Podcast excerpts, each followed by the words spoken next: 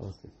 אה, שלום וברכה ובוקר טוב וחודש טוב ומבורך וחנוכה שמח. אנחנו ממשיכים בספר בראשית, ואנחנו בפרק אה, ט"ו, באמצע נושא ברית בין הבתרים. אה, פסוק י"א: וירד העית על הפגרים וישב אותם אברהם. הפסוק הזה לכאורה מיותר, מה אכפת לנו? הרי מטבע הדברים, ברור שאם אה, יש אה, פגרים של בעלי חיים, שבא העית כדי לאכול, אז מה אנחנו צריכים לספר לנו?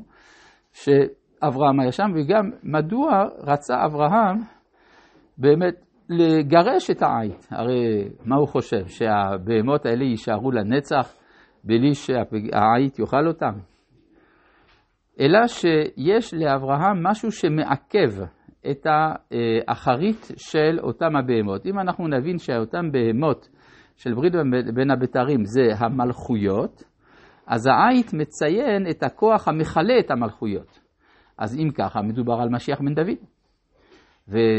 ואברהם מעכב את, ה, את הפעולה של של אה, משיח בן דוד, משום שיש תפקיד למלכויות האלה במהלך ההיסטוריה. וכל זמן שהתפקיד הזה לא נעשה, אז אברהם בעין טובה שלו, במבט הכללי שלו, מונע את כליונם עד אשר יבוא הזמן של כליונם. ויהי, אם לא, אז לא מובן למה בכלל הסיפור הזה כאן מובא. כן.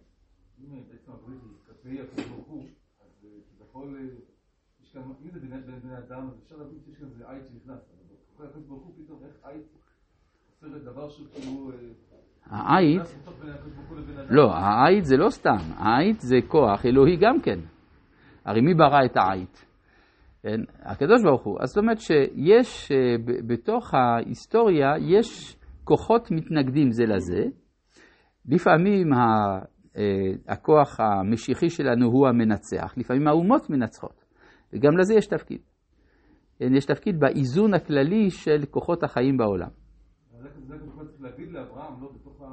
לא, זה אברהם עצמו מבין את זה. אברהם הוא המשיב. זאת אומרת, אברהם, מי הוא אברהם? הוא הכוח של מידת החסד. מידת החסד היא מתפשטת לאורך כל הדורות, נושא חסד לאלפים, נושא חסד לאלפים. אז הוא במבט היסטורי כולל, יודע שזה לא הזמן. כמו שלמשל מצאנו שמשה היה מניח ידו וגבר עמלק. למה הוא הניח ידו? אז רש"י אומר, שם חז"ל, על פי הדיבור עשה. כלומר שהקדוש ברוך הוא לא רוצה לכלות את עמלק. יש גם לזה תפקיד. זה? טוב, פסוק י"ב: ויהי השמש לבוא, ותרדמה נפלה על אברהם. עכשיו נשאלת השאלה, מה זה השמש באה? הרי כל הסיפור הזה מתרחש במחזה, הרי לפני כן הוא הוציא אותו, אמר לו תראה את הכוכבים, ספור הכוכבים, משמע שכבר זה היה אחרי השקיעה. אז אם ככה אי אפשר לפרש את זה כפשוטו, שבהתחלה היו כוכבים ואחרי זה השמש שקעה. זה בדיוק הפוך, בדרך כלל השמש שוקעת ואחרי זה הכוכבים. לכן מוכרחים לומר שפה, גם זה פה משל. הוא רואה בחושך, הוא רואה בחשיכה את השקיעה של העולם לתוך החשיכה. מהי החשיכה של העולם? אז פה מתואר, אה, הנה אימה, חשיכה גדולה נופלת עליו. כל, איך שלא נתאר את זה, מדובר פה במצב נורא, מצב נורא של משבר, כיוון שמדובר פה על הברית, על הגלות, אז מובן שאותם המרכיבים של מה שנאמר כאן, זה מרכיבי המלכויות. לכן אמרו חז"ל, יש פה ארבעה ביטויים, אימה, חשיכה גדולה ונופלת, ארבעתם מכוונים כנגד ארבע מלכויות בסדרים שונים לפי המדרשים. היותר פשוט שמדובר פה בבבל, אה, פרס, יוון ורומא, אבל יש גם אה, אה, סדרים אחרים. עליו, ויאמר לאברהם, ידוע תדע. הביטוי הזה ידוע תדע הוא כפול. כי גר יהיה זרעך בארץ עולהם ועבדום ועינו אותם ארבע מאות שנה. מה זה ידוע תדע? אומר המדרש רבה, ידוע שאני משעבדם, תדע שאני גואלם. ידוע שאני מפזרם, תדע שאני מקבצם. המהר"ל מפראג מדייק מהמדרש הזה שסיבת הגלות היא בעצמה סיבת הגאולה. ידוע, תדע, הרי זה כתוב באותו פועל. היה זה שכתוב משתמש פעמיים באותו פועל, זה בא לומר ששתי הפעולות קשורות זו לזו באופן מהותי, מה שנקרא בשפה יותר פשוטה אונתולוגי, כלומר מחובר לעצמיות של הדבר, וזה מתחבר לאותה שיטה של המהר"ל, שהגלות איננה פרי של מקרה מצער בהיסטוריה, אלא היא משהו מתוכנן. זה חלק מן התבנית הכללית של הבריאה. כי גר יהיה זרעך בארץ לא להם. מהי הארץ הזאת? לא כתוב שזה מצרים. אז כך שאפשר לומר, גזירת הגלות הייתה קבועה. האם זה היה חייב להיות במצרים? לא. זה יכול היה להיות במסגרת אחרת. ויכול להיות שזאת הסיבה שבגללה יעקב חשב שאצל לבן זאת הגלות האחרונה. גר יהיה זרעך בארץ עולהם, אז מדובר על יעקב. ארץ עולהם בארם נהריים. כן? מה? אה? כתוב 400 שנה, אבל כתוב דור רביעי ישובו הנה. וגם לא כתוב איך סופרים את ה-400 שנה בכל מקרה. הרי 400 שנה, שזה דבר שעוד לא קראנו, אבל אתה אומר שזה כתוב, 400 שנה, לך תדע איך לספור את זה. לא נאמר, מתי זה ההתחלה, מתי זה הסוף. כן, כן.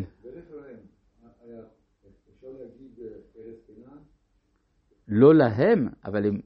אז או זה, זה באמת חידוש יפה. אתה רוצה להגיד שאפילו הגלות הייתה יכולה להיות בארץ כנען. כמו שאברהם אמר, גר ותושב אנוכי.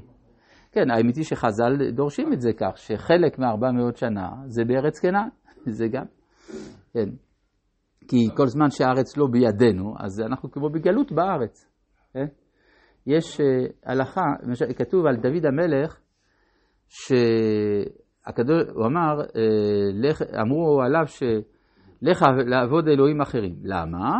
כי הוא צריך לברוח לחוץ לארץ. וכל הדר בחוץ לארץ כמי שאין לו אלוה, או כמי שעובד עבודה זרה. נשאלת השאלה, לאן הוא ברח דוד? הוא ברח לאחיש מלך גת, שזה שעה אחת באוטובוס מפה. אז זה נקרא חוץ לארץ? אלא שמכיוון שהוא יוצא מהשטח שבריבונות של בני ישראל, אל שטח שבריבונות של גויים, זה כאילו יצא לחוץ לארץ. אז זה יוצא לפי זה שבמידה מסוימת, ארץ ישראל, כשהיא לא בידינו, אז זה, זה לא ממש, כן? למשל, יש הלכה לגבי איכות הסביבה.